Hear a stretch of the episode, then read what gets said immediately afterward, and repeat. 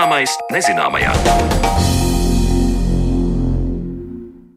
Esiet sveicināti! Šis ir redzējums zināmais nezināmajā, un ar jums kopā esmu Sandra Kropa. Šodien mēs tajā pievēršamies tam, kā uztveram pasauli sev apkārt. Mūzikai jau izsens piedāvāts unikāls spēks ne tikai izraisīt cilvēkos spēcīgas emocijas, bet arī radīt terapeitisku efektu. Šodien redzījumā skaidrosim, kā mūsu smadzenes uztver un atceras mūziku, kā to pēta un kādi interesanti atklājumi palīdz mums iepazīt labāk mūsu smadzenes. Bet pirms tam uzzināsim ko vairāk par agrīnām atmiņām. Atmiņas par agru bērnību ir individuālas. Kāds atceras tikai pirmos skolas gadus, bet cits apgalvo, ka atceras sevi jau no pirmajiem dzīves gadiem. Kāda ir atmiņas attīstība cilvēku mūžā, par to vairāk Marionas Baltkalnas veidotajā ierakstā. Kurā brīdī bērnībā sāk veidoties mūsu atmiņas un kā tās rodas tālākās dzīves laikā? Pētnieki nosauc dažādus bērna dzīves gadus kā atskaites punktus atmiņu rašanās brīdim, bet publikācijās bieži tiek minēts divu vai trīs gadu vecums. Par atmiņām, par cilvēka prāta spējām uztvert un arī šķirot informāciju sarunājos ar Rīgas Stradiņa Universitātes neiroloģijas un neiroķirurģijas katedras docētāju asociēto profesori Zandu Priedi. Vispirms jautāju, kad tad bērns apzināti sāk atcerēties, ka noteiktā dzīves brīdī ir veicis konkrētas darbības. Piekrītu, jā, ka saka, smadzenes nav statisks. Tās nepārtraukti mainās. Dažādu apkārtēju stimulu ietekmē un nepārtraukti. Sākot jau no pirmām dienām bērnu dzīvē, notiek smadzenēs izmaiņas gan struktūrāls, gan funkcionāls. Daļa zinātnieku tomēr jāmin, ka bērnam ilgtermiņa atmiņa sāk formēties aptuveni divu gadu vecumā, un min arī tādu faktu, ka šie pirmsskolas gadi, pirmsskolas vecums bērnam ir ļoti būtisks ilgtermiņa atmiņas veidošanas procesā. Tomēr Līdzīgi pieauguša cilvēka atmiņām bērna atmiņa sāk funkcionēt pilnībā 6, 7 gadu vecumā. Tātad 6, 7 gadi bērnam atmiņa kļūst tāda pati kā pieaugušo vecumā. Tomēr bērna atmiņā ir cieša sasaiste ar emocijām. Tātad bērns pats var neatcerēties jā, kaut kādus faktus, trīs, divu gadu vecumā, arī dzimšanas brīdi bet vecāki var palīdzēt bērnam veidot skaistas atmiņas par konkrētiem notikumiem dzīvē un tādējādi formēt ilgstošākas, pozitīvākas atmiņas, un tam ir cieša sasaiste ar bērnu atmiņas veidošanās procesu nākotnē. Nu, jā, tā atmiņa ir tāds process. Nu, tur ir trīs lielie apstrādes pamatprincipi - teorētiski iegaumēšana, glabāšana un atcerēšanās. Nu, ja mēs salīdzinām galvas, smadzenes un dators, tad atšķirībā no datoriem cilvēku uztveri ietekmē emocionāli, motivējoši un citi daudzi, daudz citi faktori, kas uh, spēj izmainīt gan to, kā cik daudz un vai vispār informācija tiek uztverta, saglabāta un apstrādāta. Tas norāda to, ka atmiņas process un emociju process ir savstarpēji miedarbīgi procesi. Un šīs spēcīgās emocijas, nu, vienalga, vai viešana pie zobārsta, vai nu, nopirkts bērnam ritenis, un viņš ir laimīgs par uh, jauno, kā saka, ierīci, ar ko pārvietoties. Šīs spēcīgās emocijas var palīdzēt, un, protams, arī reizēm spēcīgas emocijas, no kaut kādas negatīvās viedokļa, negatīvā aspekta var arī traucēt atmiņas procesiem. Bet vai var teikt, ka tad, kad cilvēks pieaug, ka viņam tas izzustu, ka tikai bērnam ir tā fakti un emocijas, un tad mēs kļūstam pieaugušāki un mums emocionālais aspekts pazūd. Droši vien jau, ka nē. Protams, ka nē. Arī cilvēkam negatīvi notikumi dzīvē bieži vien tiek aizmirsti diezgan ātri. Nu, bez mazliet cilvēkam ir tāda pašaizsardzības spēja Nu, protams, var būt divi varianti. Vai nu atcerās ļoti spilgti un netiek tam pāri, bet nu, tiešām ir otrs variants, kad var šo negatīvo informāciju, kas ar cilvēku ir kaut kādā brīdī kaut kas noticies, viņš ir spējīgs viņu izslēgt no savas atmiņas. Tā var būt. Bet, ja mēs runājam par smadzeņu, teiksim, nu, pieaugušu cilvēku smadzeņu, smadzenes pēc 65 gadu, Skaidrs, ka visās smadzenēs ar vecumu notiek arī vecumam atbilstošas izmaiņas. Smadzeņu struktūrālas izmaiņas, tātad smadzenēs ir novērojama šī atrofija, kas ir arī normāla smadzeņu novecošanās sastāvdaļa, bet tas ir vairāk mērķēts uz smadzeņu baltās vielas, teiksim, atrofiju un masas zudumu. Cilvēkam novecojot šīs anatomiskās struktūras, kuras ir atbildīgas tieši par deklaratīvo atmiņu, kas ir pamatā visām zināšanām, kas ietver cilvēka autobiogrāfiskās atmiņas, arī gan iemācītās zināšanas, tā saucamā semantiskā atmiņa, fakti par pasauli šīs struktūras uh, atrofējās. Tad cilvēks teorētiski ar gadiem ievēro, ka viņam ir grūtāk teiksim, valodu apgūt. Viņš vairs neatcerās īstermiņa notikumus, piemēram, ko viņš ēdis ir brokastīs. Tā jau teorētiski ir robeža ar nu, patoloģisku novecošanos. Zanda Priede skaidro, ka cilvēka smadzenēm nepārtraukti ir jāsaņem stimuli no ārpasaules, ir jāvada un jākontrolē smadzeņu starp neironālie procesi un smadzeņu pusložu saistības. Savukārt šāda stimulācija un mācīšanās sekmē neiroplasticitāti, un tas nozīmētu, ka, piemēram, cilvēkam cienījamā vecumā nebūtu novērojami strauji atmiņas defekti. Tāpēc speciālisti daudzkārt uzsver, ka mācīšanās, tostarp jaunas valodas apguve arī senioram, ir tikai apsveicama un pat vēlama. Jā, galvas smadzenes ir sarežģīta struktūra, taču ar ļoti augstu funkcionēšanas un pašorganizācijas spēju. Tādējādi par labu nāks jebkādi kognitīvie stimuli un treniņi, un tas attiecināms arī uz maziem bērniem un valodas apguvi. No zinātniskā viedokļa raugoties, noteikti nebūtu jāsatraucas, ja bērns mazā vecumā vienlaikus mācās un runā vairākās valodās. Tas tieši nāks par labu. Arī runājot par bērnu vecumu, bērnībā apgūta uh, otrā valoda, viennozīmīgi bērnam tiks apgūta tādā pašā līmenī kā natīvā valoda. Viņam ir daudz vieglāk iemācīties valodu bērnu vecumā. Tātad pirmskolas bērnu vecums ir vislabākais laiks, pieci gadi, kad apgūt papildus valodas. Bet atgriežoties pie stāsta par emocijām, asociētajai profesorē vēl jautāju, vai dažkārt emocijas nevien iet roku rokā ar faktu iegaumēšanu, bet ņem virsroku jo mēdz taču gadīties, kad bērns neatceras pat salīdzinoši nesen redzētas teātra izrādes saturu. Tāpat ir vērojams, ka vecāka gadagājuma cilvēki neatcerēsies pavisam nesenus notikumus, toties spilgti atsauks atmiņā notikumus kara laikā. Lūk, Zandes priedes komentārs. Vienu no laika perspektīvas atmiņas procesu teorētiski iedala īstermiņa, jā, jeb darba atmiņa, jeb operatīvā atmiņa, kurā ir kaut kāda noteikta ietilpība, un tā mainās atkarībā no vecuma un dažādiem citiem bioloģiskiem nosacījumiem. Tas iepriekš minētais fakts par dažādu smadzeņu struktūru ar vecumu saistītu novecošanos šīs struktūras teiksim, mainās, tad ir novērojama galvas smadzeņu struktūru apjoma samazināšanās, jeb tā saucamās atrofijas, un tādējādi arī šī darba atmiņa un operatīvā atmiņa ar gadiem teorētiski izmainās.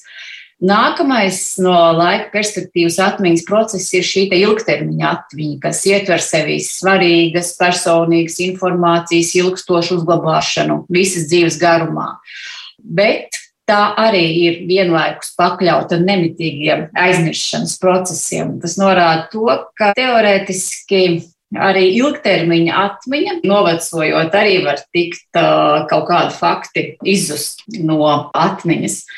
Papildinot to, kādēļ bērns neatcerās, teiksim, izrādi, tas ir saistāms ar šo emociju un atmiņu paralēlo esamību. Jo, ja emocijas bērnam nav bijušas spilgtas ar šo notikumu, viņš šo notikumu ātrāk ieliek atmiņas kartē, kura dzēsīsies pirmā ārā no atmiņu bloka. Jā, tādā tālākā plauktā. Bet tam senioram eh, taču bieži vien ir tā, ka cilvēki tur skaita, un tad tajā gadā un tajā datumā tur notika tas un tas, bet eh, tie pēdējās nedēļas notikumi viņam cilvēkam nav prātā.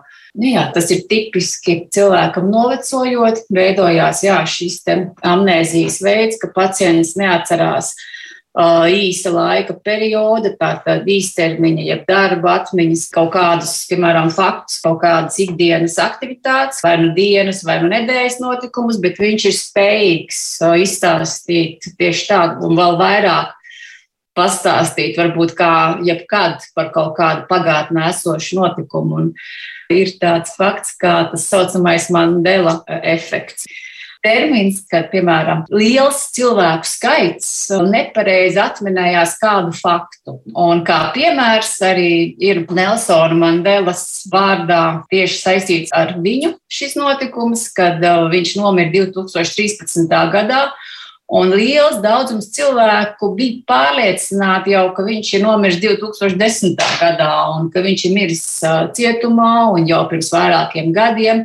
Un pat daļa cilvēku, kas tika aptaujāti, viņi uzstāja, ka viņi pat televīzijā bija redzējuši šo notikumu, viņa bērns. Tāds literatūrā termins bieži vien tiek aprakstīts Mandelas efekts, kas īstenībā ir balstoties uz šo notikumu. Tātad nepareiza, pretrunīga informācija, un cilvēkam ir traucēta spēja kritiski domāt, vai arī nevarēšana vai nevēlēšanās patērēt kaut kādu laiku, lai šo informāciju izšķirotu un apstiprinātu, un tādējādi radās šis nepareizais domāšanas rezultāts. Es līdz ar to īstenībā noslēgumā gribēju sasaistīt ar šo arī jautāt, tad sanāk, ka, piemēram, tādas iedomātās atmiņas, ko jūs minējāt arī sākumā, proti, ka bērnam arī atmiņas var veidoties izrietot no tā, ko citi viņam pastāsta, kas ir noticis, lai gan viņš pats to nav piedzīvojis, ka tas reizēm var būt arī ar tādu negatīvu efektu, jo tad jau šajās iedomātajās atmiņās tev var arī sastāstīt kaut kādas lietas, kas nav notikušas ne ar tevi, vai varbūt kas pasaulē vispār nav notikušas. Un, un tad mēs izveidojam tādu iedomātu atmiņu stāstu no nēsošām lietām. Teorētiski, jā, nu te ir jāsaist, protams, ar šo te informācijas spēju uh, apstrādāt, spēju uztvert un interpretēt pareizi, nelasīt pirmos avīžu virsrakstus, jeb internetā, teiksim, informācijas kaut kādas lapas, neatvērt šo kritisko domāšanu ir jāsaglabā. Tik tālu par atmiņas formulēšanās procesiem, bet par mūzikas uztveri runāsim pēc īsa brīža.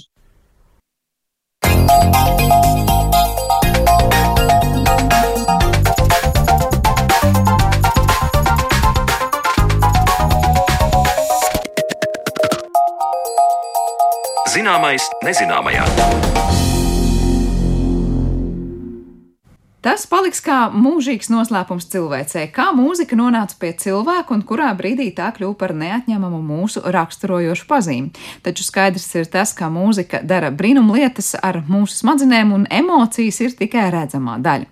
Kā cilvēka prāts uztver mūziku, kā melodija, kompozīcija atrod savu vietu cilvēka atmiņā un kā notiek mūzikas uztvers pētījumi, par to visu šodien mēs vairāk runāsim ar mūsu šīs dienas studijas viesiem. Pie mums ciemos Jāzepa Vito Latvijas Mūzikas akadēmijas profesors Valdis Bernhofs. Labdien! Labdien! Un Latvijas Universitātes datorikas fakultātes uztvers un kognitīvo sistēmu laboratorijas vadītājs un kognitīvo zinātņu pētnieks Jurģis Čilters. Labdien! Labdien! Nu, ko par mūzikas pētījumiem? Vai mums Latvijā daudz notiek pētījumu par to, kā mēs uztveram mūziku? Es nezinu, vai mūziķu vidū vai, vai kognitīvo zinātņu pusē. Sākšu, nezinu, ar Valdi jums. Jā, es domāju, ka mūzikas eh, pētniecība ir ļoti sena. Eh, tā ir tradīcijas. Eh, lielākoties viss bija vērsts uz to redzamo daļu. Redzamā daļa ir kā muzicē, kā uztver un kā reaģē uz mūziku, ja mūzikas rosināts uzvedības pētījumi.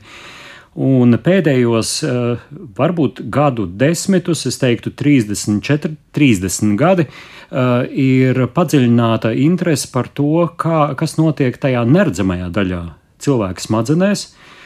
Vai kaut kādā veidā mēs varam saprast, kā mūzika, piemēram, kā vibrācija, nokļūst ausī, un tālāk iziet ļoti sarežģītu ceļu, un dažkārt iznāk ārā ar diviem nu, tādiem gala spriedumiem, patīk, nepatīk. Un kas tur ir noticis pa vidu? Kā bet kāpēc patīk un kāpēc nepatīk, to arī droši vien var pētīt. Jā, jā, to var uh, pētīt, bet jebkurš kairinājums noteikti saistīts ar emociju sistēmu un iziet cauri vispirms emociju apstrādēji. Es domāju, ka tas lielākoties uh, ir saistīts ar pieradumu, ar to, ka skanējums vai skaņas šis kairinātājs nav nekāds apdraudējums, un mūziku vienmēr klausās nu, kā skaņdarbu, tās nav kaut kādas atsevišķas skaņas vai nepazīstami trokšņi. Un tā ir tāda pieķera vai saķera ar, ar to, kas ir dzirdēts. Jebkurā gadījumā jauns, jebkas, kas būs jauns, eh, varētu izraisīt eh, to, kas saucas nu, nepatīk, vai eh, es tam neesmu, pie tā neesmu pieredzējis. Jā, tūdaļ turpināsim šo visu aspektu, ko iesākāt. Gribu vēl Jurģim arī dot vārdu no tās kognitīvo zinātņu puses, vai mums daudz pētījumu pēdējā laikā notiek par to, nu, kas tad notiek tajā brīdī, kad tur patīk, nepatīk, kādām emociju sistēmām iziet tas viss cauri. Nu, no kognitīvo zinātņu puses tas uh, mūzikas lielais pienesums, tas, ka mēs varam pētīt uh, kādu eh, saziņas veidu, kas ir eh, neverbāls un kas ir ārkārtīgi, nu, kā jau Valdis arī teica, emocionāli piesātināts. Un, No, no šī viedokļa es gribētu teikt, ka nu, faktiski mūzikas psiholoģija un, un arī kognitīvās zinātnes tajā aspektā, kurā pēta mūziku, uh, ir um, ļoti tādas, nu, uh, no nozara viedokļa, ļoti nu, daudzšķautņainas. Tā ir gan, gan, gan uztveres psihologi, gan, gan neirozinātnieki, gan arī uh, arī citu nozaru, arī, nu, arī īstenībā medicīnai arī pēta, kāds ir kā mūzikas ieteikums psihosomatiskiem procesiem. Tā kā tāda nu, eksperimentāla pētniecība mūzikā ir ārkārtīgi interesanta no tā viedokļa, ka mums ir pavisam atšķirīgas tās pētniecības perspektīvas, kas, kas satiekās mūzikas pētniecībā. Latvijā, manuprāt, tāda nu, ļoti nu, dziļa tradīcija eksperimentāla mūzikas pētniecībā nav. Ir atsevišķi pētījumi, bet nu, kopumā, ja mēs skatāmies, kas ir noticis eh, pasaulē pēdējos gadus, nu, jā, es teiktu, arī droši vien 30, 40, varbūt arī mazliet mazāk. Nu, tas ir ārkārtīgi daudz dažādas tās eh, pētniecības eh, tradīcijas, perspektīvas un arī, arī, arī pētījuma rezultāti. Viena no lietām, ko es noteikti vēlos jums pavaicāt, kas man paši nodarbina diezgan ilgi, un es izlasīju vienā rakstā, ka mūzika patiesībā apmuļķo smadzenes, nu, ļaujot tām domāt, ka tā ir valoda, ko tā klausās, runa precīzāk. Vai mēs varam teikt, ka tas, kas ir runātais teksts, nezinu, kas rada mūsos emocijas, tur mēs saprotam, cilvēks ir dusmīgs vai, vai priecīgs vai laimīgs vai draud, apdraudošs. Ka mūzika ar tām skaņām, kad nu, mēs nezinu, droši vien zinām, tur ir kādas augstākas eh, skaņas, zemākas skaņas, tur ritms cits vai kā citādi. Smadzenēm iedod tos pašus vēstījumus, proti, kā tur ir ar to mūzikas un runas savstarpējo saistību, kā smadzenes to uztver kā kaut ko atšķirīgu vai kā kaut ko ļoti līdzīgu. Mūzika noteikti ir viena no uh, komunikācijas formām, uh, tāpat kā valoda, mīmika, gestikulācija. Uh, bet uh, atšķirībā no valodas, uh, mūzikai pietrūkst uh, konkrētības, kas ir ļoti, ļoti labi. Bet tikpat labi mūzika var būt ilustratīva, ļoti konkrēta. Mēs varam atdarināt kaut kādas parādības, lietu slīst, kas ir mūzikā bieži arī sastopams. Uh, Bet lielākoties, um, teiksim, ja skatās no tāda klīniskā aspekta, tad tieši tas ir lielākais plus, ka um, jebkādas skaņas var izraisīt. Es to sauktu par dabisko emociju, un tad vēl ir iemācītās emocijas. Var dažādi skatīties, vai tā ir emocionālā inteligence, ka prot, prot radīt emocijas un prot uztvert. Piemēram, skaņdarbs ar nosaukumu prieks, un mākslinieks, kurš izpilda skaņdarbu prieks, nu, zināmā mērā pārnes ne jau prieku tādā, teiksim, verbālā, bet uh, muzikālā veidā. Un ir liels jautājums, vai šo prieku uztver klausītājs. Vai, teiksim, nu, ja mākslinieks nekādi neatveido šo prieku, nav gestikulācijā, mīmikā redzams, uh, vai no skaņām var nojaust šo pamatu emociju. Un tas ir, tas ir bieži apskatīts, ir tāds tradicionāli, teiksim, um, uh, tradicionāli skatījumi, ka, uh, piemēram, minors skumjš ir skumjš, bet tā tas nav. Ir to, daudz... to parasti māca, man liekas, Māc, jau pašā jā, sākumā. bet, eh, bet eh, arī šīs paradigmas mainās, un eh, pedagoģijā ir zināmā mērā tāda viļņveidība. Ja? Tas, kas agrāk tā bija, tagad šobrīd tā vairs nesaka un tā nelieto. Bet es, es šeit nodalīju divas lietas. Viens ir šī dabiskā emocija, kas caur emociju es tālāk arī apstrādāju un, iespējams, prāta līmenī daru kaut kādas, varbūt citas lietas apzināts. Tas ir bieži vien klīniskos gadījumos ar, ar autistiem, ar uzmanības deficītu, ka šī skaņa var radīt kaut ko citu, tas tāds pastiprinātājs.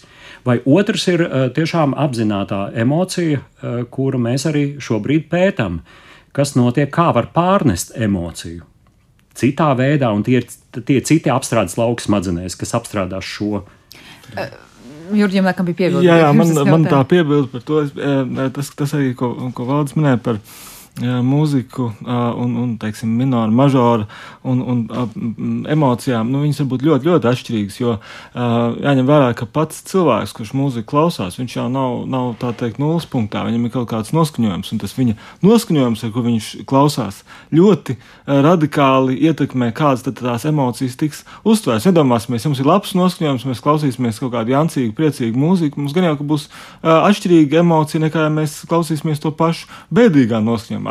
Mums tas, tas, tas, e, tas emociju, tas um, spektrs, kas mūsos tiek izraisīts, uh, būs ļoti atšķirīgs. Bet tā vēl tāda piebilde par, par valodu un par, par mūziku. Man liekas, ir divas interesantas lietas. Viens ir tas, ka, protams, ka, ka valodas gan mūzikas gadījumā uh, cilvēkā radās emocijas, bet uh, mūzikas gadījumā tās emocijas ir daudz niansētākas. Valodā jau mēs nemaz nevaram izteikt visas emocijas, ar kurām mēs dzīves laikā nonākam saskarē, un arī ikdienā nonākam saskarē. Mūsu emocionālā dzīve vispār ļoti bieži nav verbalizējama.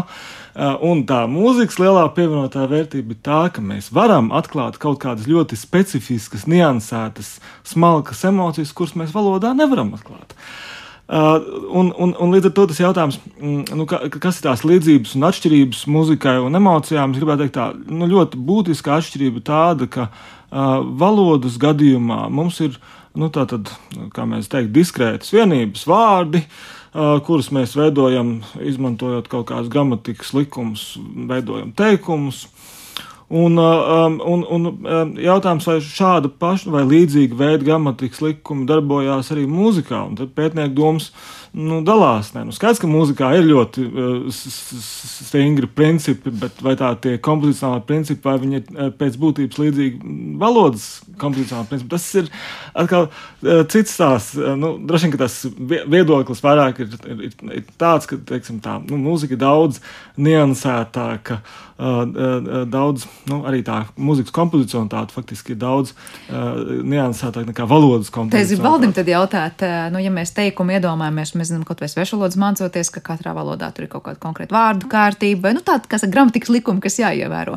Mūzikas gadījumā, nu, droši vien komponisti mums šobrīd ir kas par muļķīgu jautājumu, ja, bet es saprotu, ir visādas harmonijas un viss kaut kas cits, bet ir stingrs likums, kas pasaka, tas seko tam, un tas ir līdzīgi kā gramatikā vārdu secība teikumā, kas ir jāievēro vai, nezinu, kārtība, kādā mēs lokam darbības vārdus. Nu, noteikti ir, un, un skatoties eh, vēsturē, eh, kārtība ir bijusi ļoti kārtīga, un eh, tad ir bijusi nekārtība bet eh, cilvēks tiecas uz kārtību, uz, uz kaut ko, uz kaut kādu eh, paredzamību mūzikā. Un tieši otrādi arī var, var tieši to negaidīt. Tātad eh, man liekas, tas, ka eh, var dažādot, eh, un varbūt valodā arī mēs, mēs dažkārt skatāmies uz tā saucamajām tonālajām valodām, kāds ir mandarīnu, jā, kanto, kantoniešu un, un vēl citas, kurās intonācija ir liela, liela būtiska loma. Mūzikā ir tas pats, mūzikā ir vairāki parametri, kuri satiekas vienopus. Dažādi var izteikt skaņu, dažādi var šī skaņa skanēt. Skaņai var būt eh, dažādas gradācijas, eh, skaļuma gradācijas un tā tālāk. Un tas viss var vienu skaņu padarīt gan, nu, da, piešķirt dažādas situācijas. Bet jautājums to uztvers, tas klausītājs, ja viņš ir neizglītots tajā, nu kādas ir tās, var teikt, nu, gramatikas normas, ja mēs pārnesam to uz vārdiem un, un valodu. Eh, proti, ja viņš nezina, kādām harmonijām, intonācijām jāsako, kas, kas ko nozīmē, mēs uztversim pareizi to vēstījumu. Uh. Jā, ir, ir lietas mūzikā, kuras uh, ir, ir saistītas ar cilvēku fizioloģiju. Noteikti. Piemēram, zemes reģistrs. Zemes reģistrs jau sākot no iekšējās auss tiek apstrādāts ar, ar mazāk matainām šūnām, Līdz ar to katrai šūniņai nav savs, sava frekvence. Vidējais, kur mēs dziedam, runājam, tas mums ir draudzīgs, ikdienā lietojams. Un, piemēram, nu, ja mums vajadzēs atveidot nu, mīļu māmiņu, ja, kas ir zemā reģistrā, un pie tam arī vēl intervāliem, tātad skaņā, skaņu attālumam ir ļoti būtiska nozīme, jo jebkurai skaņai līdzi nāk, no pamatfrekvencē nāk līdz virsskaņas. Un tā, tā ir arī skaņots mūsu smadzenes, kas uztver. Līdz ar to ir kaut kas dabā eksistējošs un tāds, kas nav dabā. Piemēram, tādās muzikālā valodā es varu pateikt, chromatiskā gama sadalīta eh, eh, pustoņos, nepastāv dabā. Tātad tā ir izveidota tad, kad varēja to uz instrumentiem un arī matieci, eh, matemātiski aprēķināt. Būs tātad zemes reģistrs, ehm, tālāk arī šī tieksme uz atpakaļ atgriezties turpat, kur iesāka, piemēram, uz atcerēšanos, jeb, man liekas, tas arī valodā. Nu, ja visu laiku būs jauni vārdi, tas mm. būs ļoti grūti Ja, un, un arī nepatīkami tas būs apgrūtinots process smadzeņu darbībā. Bet līdzīgi kā mēs mācāmies valodu bērnībā, savu dzimto valodu, pēc tam kādu svešu valodu, kā ir ar mūziku, kad cilvēks un kā mācās mūziku, vai ir kaut kāds konkrēts vecums, kurā vispār mēs sākam uztvert, iemācāmies uztvert mūziku, vai mēs piedzimstam jau ar to. Jo cik daudz par to ir zināms? Nu, tā e, interesantā lieta, ka, protams, ka mūsu auditorā uz, skaņa uztver, viņa jau ir e, pirms, e, viņa darbojās faktiski pirms mēs nākam pasaulē. Un uh, ir pētījumi ar zīdaiņiem, nu, ka faktiski uh, pavisam maz bērniņi, astoņu mēnešu veci, uh, spēja diezgan labi uh, Uh, iemācīties melodiju. Jā, jāsaprot, ka iemācīties ne tādā nozīmē, ka pēc tam var nodziedāt, nodziedāt bet vienkārši nu, ka, uh, tās noteiktās kaut kādas, teiksim, uh, akordi vai, vai kaut kādas melodijas pazīmes iespiežās atmiņā. Viņi tā atpazīst kaut kur, kad viņiem kaut Viņi atpazīst tieši tā, tieši tā. Nu, eksperimentos vienkārši dažādu veidu melodijas tiek tātad projicētas tiem, tiem eksperimentu dalībniekiem, bērniņiem, un viņi, viņi vienkārši vienā gadījumā rēģē smaidīt naidīgi, otrā gadījumā mm, dusmīgi vai neitrāli. Bet um, šajā sakarā tas interesantais ir, ka uh, nu, mēs nevaram teikt, ka uh, tik detalizēti procesi nodar, uh, notiek ar mūsu vizuālo uztveri. Ja? Tas, tā, tā, mūzikas uztvere ir ārkārtīgi agrs process. Nu, tāpēc, ka mēs jau mātes miesās uztveram gan balsis, gan, gan, gan mūziku. Un arī ir pētījumi piemēram, par to, ka arī mātes miesās faktiski mums izveidojies tas jutīgums pret noteiktu valodu, noteiktiem arī kaut kādiem nu, eh, skaņu eh, intervāliem un augstumiem, un dažiem arī dažiem vārdus varēs vēl papildināt, bet kādā ziņā tā nu, kopumā tā, tā lieta par to, cik agri tā mūzikas Uh, uztver attīstās. Nu, tas ir ļoti uh, skaidrs un, un teiksim, viennozīmīgi, ka nu, ļoti agri. Uh, un, un tad vēl tāda interesanta lieta, arī, kas arī patiesībā nav nemaz tik triviāla, nu, kā mēs atšķiram uh, mūziku vai melodiju no kaut kādām citām skaņām. Ja? Nu, iedomāsimies, pavisam mazi bērniņi, kuriem tas pieredzes efekts jau nav nekāds lielais. Viņi uh, ļoti viennozīmīgi spēja atšķirt vienkārši kaut kādas skaņas no melodijas. Tātad tas ir tas, kas mums kas ir dabiski mums nāk ar to, kad mēs to harmoniju saklausām vai kādu kārtību tajā mūzikā vai skaņu.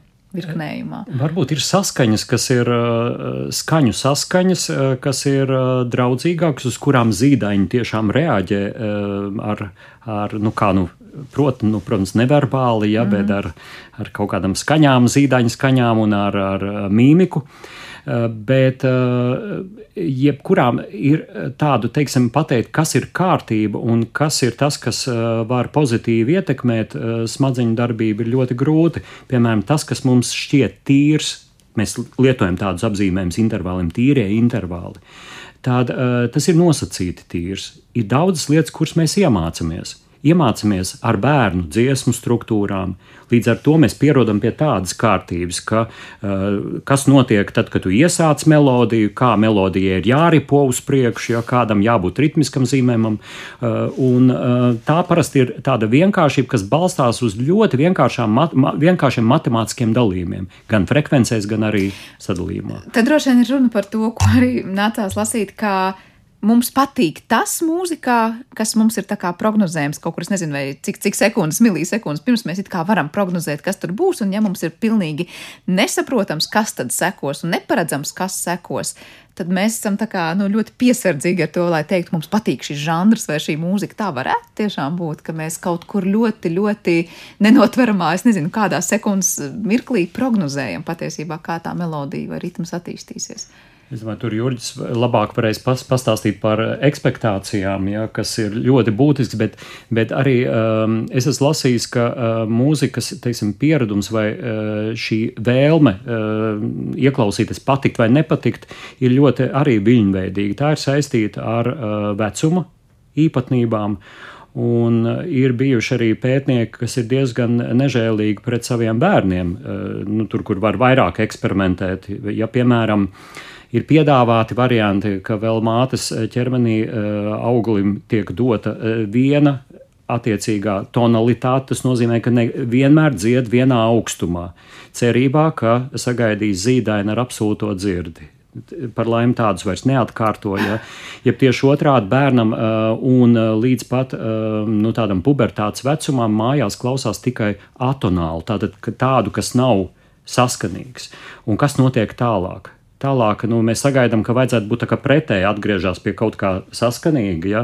Uh, nu, šis ir viens gadījums, kas ir aprakstīts, uh, un tas beidzas ar to, ka, uh, ka jaunieci vispār negrib vairs klausīties. Bet vai to izraisīja tas, ka nu, tās pašas saskaņas, vai tas tie sociālie faktori, ja, kuros viņš bija nokļuvis? Ja? Jā, tas ir jautājums Jurģi. Jā, nu, droši vien, ka mēs jau visi dzīvā dabā esam tāda asociatīvās mācīšanās uh, nu, mehānismi, un, un es domāju, mūzika jau tieši tāpat, kāpēc radās uh, viss tas, ko mēs saucam par gaumi un mūsu tīkamo un netīkamo mūziku. Tā būtībā tas, ko arī, arī uh, psiholoģijā dažkārt mēs saucam par relatīvā biežuma efektu. Nu, kaut kādā brīdī tas relatīvais biežums mums rada tīkamu mūziku.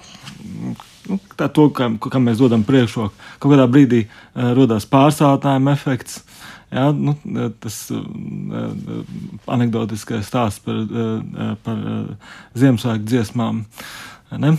Un vienkārši tas tā. tā Nu, kopumā tā, tā lieta tāda, ka uh, es, es, ne, es nedomāju, ka ir kaut kādas ļoti tādas nu, iedzimtas mūzikas gaumas matricas cilvēkam. Nu, vismaz pēdējo gadu laikā tādi pētījuma rezultāti neliecina neko tādu. Drīzāk mēs vienkārši viņus, mēs, mums rodās tā nu, asociatīvā mācīšanās, kuras rezultātā mums mūzika mums patīk, kur nepatīk. Vienīgais, ka tā mācīšanās nav tik vienkārša un tik triviāla. Ja, teiksim, kurā laikā mēs apgūstam kādu mūziku, kad, kad mēs viņu klausāmies mūsu tālākajā dzīves gājumā, var būt ļoti atšķirīgs rezultāts, ļoti atšķirīgs efekts. Un, piemēram, Eh, tipiski jaunības, nu, teiksim, labi, eh, pēcpubertātes, pubertātes laika mūzika, jaunības eh, mūzika mums visvēlākajā mūžā būs, būs nu, salīdzinoši pozitīvi vērtā, vērtēta. Pat ja mēs kādu pilnīgi citu mūziku šobrīd klausāmies, vienalga mums būs viņa. Tas tāpēc tā, tās atmiņas, vai ne, ir tādas, kas. Jā, nu, nu, ne, un atmiņas, un, un tur, protams, ir tā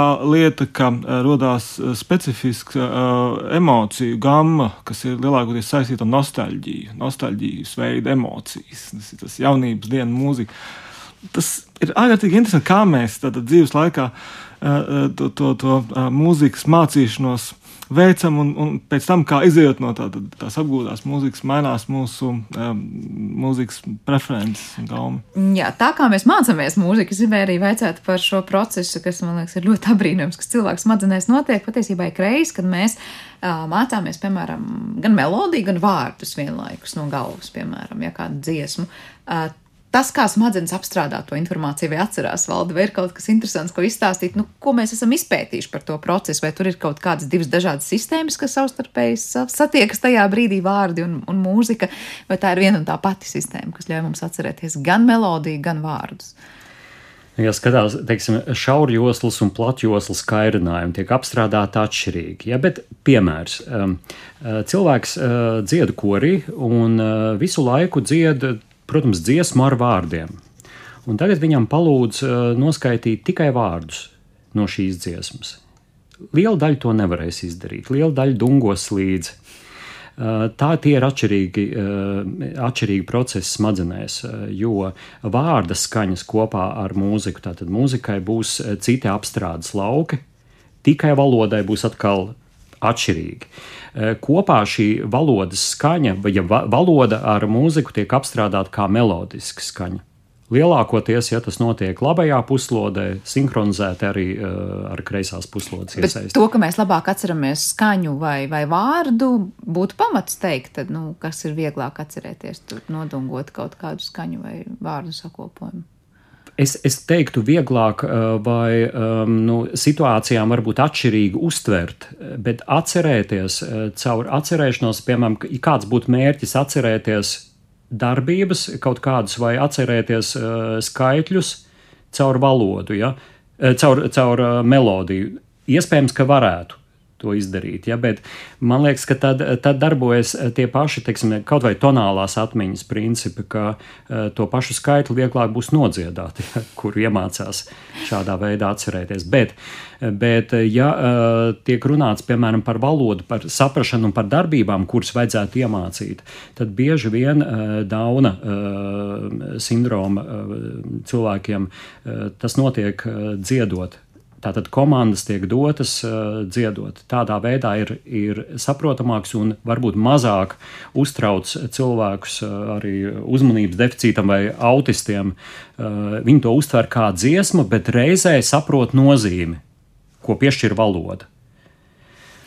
Es Jurģim gribēju vēl vaicāt, nu tajā brīdī, kad satiekas tās divas sistēmas, tas, kas mums ļauj atcerēties un mācīties melodijas vai vārdus, vai tas varētu būt tāds labs rīks, kā trenēt uh, šo smadzeņu plasticitāti, par ko mēs daudz pēdējā laikā runājam, proti dažādas neironu ceļus, kas vienmēr atradīs, ja nevienu, tad citu apkārt ceļu. Jā, jā, tas ir ļoti robusts uh, pētījuma rezultāts un tāds patiešām, ko mēs varam droši teikt, ka tad, uh, um, nodarboties ar mūziku ir, ir, ir, nu, ir trenēta tātad, to, to miedarbību starp auditoru un motor, motoriskiem, motoriskiem procesiem smadzenēs. Un, un, jā, tas pilnīgi viennozīmīgi. Ja vēl klāt pieliek nošu, droši vien teksta lasīšanu, skatīšanos uz notīm, tad es nezinu, spēlēšanu, piemēram, ar abām Protams. rokām un vēl dziedāšanu klāt, tas laikam varētu būt diezgan, diezgan, nu, pamatīgs darbiņš, kas jādara, bet ļoti, ļoti veselīgs. Starp citu, jā, par to mūziku, kas dažkārt skan galvā. Kas tas ir par, par fenomenu? Proti, ka mēs varam teikt, es tajā brīdī nedzirdu mūziku, bet es atceros to dziesmu pie sevis. Pat ne, nevis skaņā dungoju, bet kaut kur liekas ar iekšējo kaut kādu dzirdi dungoju. Kas tas ir, kas mūsu galvā notiek? Iekšējā dzirde ir saistīta ar balss saitēm. Tā tad ir jābūt pieredzēji iepriekš, ka eh, tas ir kaut kur skanējis vai cilvēks to ir lietojis dažādos veidos un viņš spēja uh, šo uh, melodiju asociatīvi ģenerēt un no augšas uz leju novadīt. Tātad nu, vai uz pirkstiem, vai uz motoriku, vai sīkmotoriku, vai arī nocietot. Uh, bet ir arī tāds teiksim, apgrūtināts simptoms, ja, kā auss stārps, kas sauc par, par tā ir melodija, kur rodas galvā kuru dzird un no kuras netiek vaļā. Tātad uzmācīga doma mūzikā, arī mūzikas literatūrā, mūzikas vēsturē tas ir iemūžināts, ka arī tam var piešķirt noteikti kaut kādu māksliniecisku vērtību. Bet uh, To šobrīd ir grūti izskaidrot, un tas ir tāds eh, fenomens, kuru, par kuru mēs varam runāt, kas var būt ļoti ilgstošs un ap, tiešām psiholoģiski sarežģīts. Bet te ir stāsts par to, ka cilvēks vienkārši nezina, no kurienes dzird kaut kādu šo skaņu sakopojumu vai melodiju. Kaut kāda nav tā, ka tā ir dziesma, kā mēs dažkārt sakām, nu, visu laiku skan galvā, nevar tikt vaļā visu dienu no rīta. Esmu dzirdējis, un tad visu dienu skan. Tas ir cits process, ja par ko mēs eh, runājam. Ir ļoti līdzīgi, bet uh, tas, tas uh, otrais, man liekas, ir uh, vieglāk likvidējams. Noklausīs kaut ko citu. Jā, jā bet uh, šī uzmācīgā doma var būt uh, kā viena no mūziķu, ne tikai mūziķu profesionālajām saslimšanām, par ko runā arī neirozinātnieki. Liekas, ka mēs darbojamies ar mūziku, un mēs esam visu laiku tajā vidē, un šī vide mūs neapdraudēs. Tā nav. Tas, tas var arī. Eh, varbūt šī, eh, tas tiešām ir tik, tikko skanējis vai visu laiku. Pie, uh, pielips, pie, pielips, jā, un netiek vaļā, un visu laiku nevar tā kā sajūta, ka nevar pabeigt šo melodiju. Ja, un, Bet tad ir vienkārši princips, nu, ir, ir jānociet līdz galam, jāatrod šis ieraksts un, un jātiek ar šo ierakstu galā. Bet uh, liekas, ka it kā smieklīgi un, un vienkārši, bet ir cilvēki, kur meklē palīdzību psihologu. Nu, īstenībā tas izklausās diezgan traki, ja tiešām to nevar izslēgt, un tas ir gandrīz kā nu, skaņa vai melodija, kas mm, nemitīgi ir galvā un kurai nav terapija. Nu, noklausos ko citu vai nodziet līdz galam nelīdz, tas tiešām varētu būt traumējoši. Juģi par to ir kaut kādi, es nezinu, vai pētījumi vai kaut kāda aktuāls lietas, kas notiek arī kognitīvajā zinātnē. Nu, uh, parasti jau šeit runā par to pārsātinātības efektu. Tas, tas um, uh, ko, ko valdes minēja, tas varbūt vairāk tieši arī nu, pašu mūziķu vidū ir, ir tā, ka ir kaut kāda melodija, kura, kura kā teikt, iesēžās galvā. Un man, man liekas, ka tas mazliet, mazliet cits process nekā tad, ja mēs, nu, piemēram, Ziemassvētku laikā ejam cauri lielveikalam un, un, un, un pēc tam mums vienkārši ir, ir auss starps, un mēs dungojam, ka mēs aizējām mājās. Bet um, mm, tā, tā interesantā lieta jau, ka mūsu pieredze ir sakārtot notikumos. Ja? Un tas nozīmē, ka uh, mums ir ļoti daudz dažādu mūsu mm, dzīves notikumu, kuriem ir tā muzikālā komponente. Ja tā, nu, ikvienam cilvēkam patiesībā, es nedomāju, šeit jā, īpaši muzikāli uh, angažēts uh, cilvēks, bet ikvienam no mums ir kaut kāda specifiska mūzika, kas ir saistīta ar, ar atmiņu, kaut kādu notikumu. Un, un tas, tas, protams, ir ir nu, interesanti, ka tā mūsu nu, pieredze vismaz, vismaz daļēji, jebkuram cilvēkam, ir, ir, ir muzikāla. Bet te mēs nonākam pie jautājuma, kas, nu, diemžēl, jau ir noslēdzušies šajā sarunā par to, nu, evo, evolucionāri raugoties, kur tai mūzikai mūsos ir vietas. Jo no vienas puses, tas, ko Jurgi tu sākumā teici, mēs jau ļoti agrā bērnībā, patiesībā daudz niansētāk nekā vizuālo informāciju, ja spējam atšķirt tās, tās melodijas, kas ir jau melodija, kas nav melodija. Tāpat arī tikko, ka mums tiešām mēs varam būt ne mūziķi, muziķi vai teikt, es mūziku nesaprotu, bet tā noteikti mūs ietekmē. Bet tajā pašā laikā, nu, mēs, vai mēs varam nosaukt, jā, mūzikai ir tāda nozīme, jo tā mums ir ļāvusi evolucionāri, es nezinu, to un to un to izdarīt vai pasargāt noteiktos brīžos. Ir mums kaut kāda, es nezinu, psiholoģiska funkcija vai kā citādi mūzikai. Kāpēc mums tā mūzika liekas ir tik ļoti jau no bērnības klātesoša un fundamentāla? Nu, uh, Te, te varbūt eh, derētu tēzi, ko neirozinātnieki eh, izvirza, eh, ka mūzika ir spēcīgākais neiroplasticitātes kairinātājs. Te arī vajadzētu noteikti iedziļināties, ko tas nozīmē. Tā tad ir kaut kādi pielāgošanās mehānismi smadzenēs, ja kur skaņa uh, to veicina.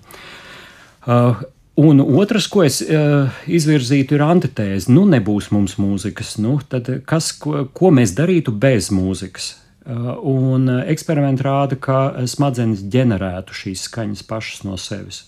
Kas liek domāt, ka viņai vienkārši tā, ir jābūt halucinācijas ja? drīzāk. Ja? Un tas, piemēram, pilnīgi nu, nav tādas vidas, kur nekā nav. Ja? Nu, tāds absolūtais klusums. Bet arī klusā vidē ilgstoši uzturoties, cilvēks sāk dzirdēt skaņas, un eh, šī sajūta nav absolūti tā patīkamākā. Eh, nu, es domāju, ka ir divas, mm, vēl, vēl arī citas lietas, kuras uh, izskaidro, nu, kāpēc mums evolūcionāra tā mūzika vienmēr ir un kāpēc, mums, kāpēc patiešām nu, mums piepieši viņa nav, mēs viņu ģenerētu, mūsu smadzenes viņu uh, simulētu, veidot halucinācijas iespējams. Uh, nu, viens ir tas, ka mūzika ir ļoti spēcīgs emociju regulators. Un, piemēram, Covid-19 pētniecība viens interesants aspekts, kas Savienotajās valstīs tika atklāts, ka cilvēki, kuri nu, um, gan vai, vai nu, tā, tā pandēmiskā situācija, vai arī paši uh, uh, cieši no kaut kādām izraisītām slimības, izraisītām sakām. Mūzika ir ārkārtīgi spēcīgs emociju regulators un faktiski spēcīgākais salīdzinājumā ar citiem. Teiksim. Nu, protams, ir, ir, ir saziņa ar draugiem, un, bet, bet Eh, bet tad kopumā, tad evolūcionāri es teiktu, mūzika ir ārkārtīgi būtisks un, un ārkārtīgi spēcīgs emociju regulators. Un tā otra lieta, otra mana tēze būtu tāda, ka uh, nu, mums katram ir kaut kāda uh, sinhronijas uztvere, sinhronitātes uztvere. Un, un um, nu, varam arī nedaudz pārformulēt, varam teikt, ka nu, ritmu uztvere. Ja? Un tam jau ir arī ļoti uh, fizioloģiski uh, pamati. Ja, teiksim, uh, uh, mans skaidrojums būtu tāds, ka evolūcijas gaitā mums uh, mūzika uh, arī kaut kā uh, nu, kalpo kā, kā tās nu, sinhronitātes, tāds uh, regulācijas rīks. Jo, nu, mēs jau teiksim, pat to nemaz neapzināmies, ka ja mēs klausāmies kaut kādu ritmu fonā, mums ir mūsu acis zīlītes izplešās. Ja, teiksim, nu, to, pētot acu kustībām, ļoti labi var, var, var, var konstatēt. Mēs, to, mēs par to mēs pat it kā neklausāmies, bet to dzirdam Jā, līdzīgi kā ar pētījumu par to, kas notiek vispār mūsu galvā. Ka liekas, kāpēc ejot pa ielu, tu sāc lasīt kaut kādus uzrakstus, kas uz tevi it kā neatiecas, un tev liekas, ka tu nelasi, bet patiesībā mēs tāpat tos vārdus, nezinu, izkārtnēs kaut kur reklāmās izlasām. Ja? Tas arī ir laikam patiesībā ļoti, ļoti dziļi mūsu kaut kāda uztvers mehānismi, kas darbojas. Tieši tā, tieši tā. Mēs to nevaram. Es, es domāju, ka mūzika ir, ir, ir viena no tām, es teiktu, nu,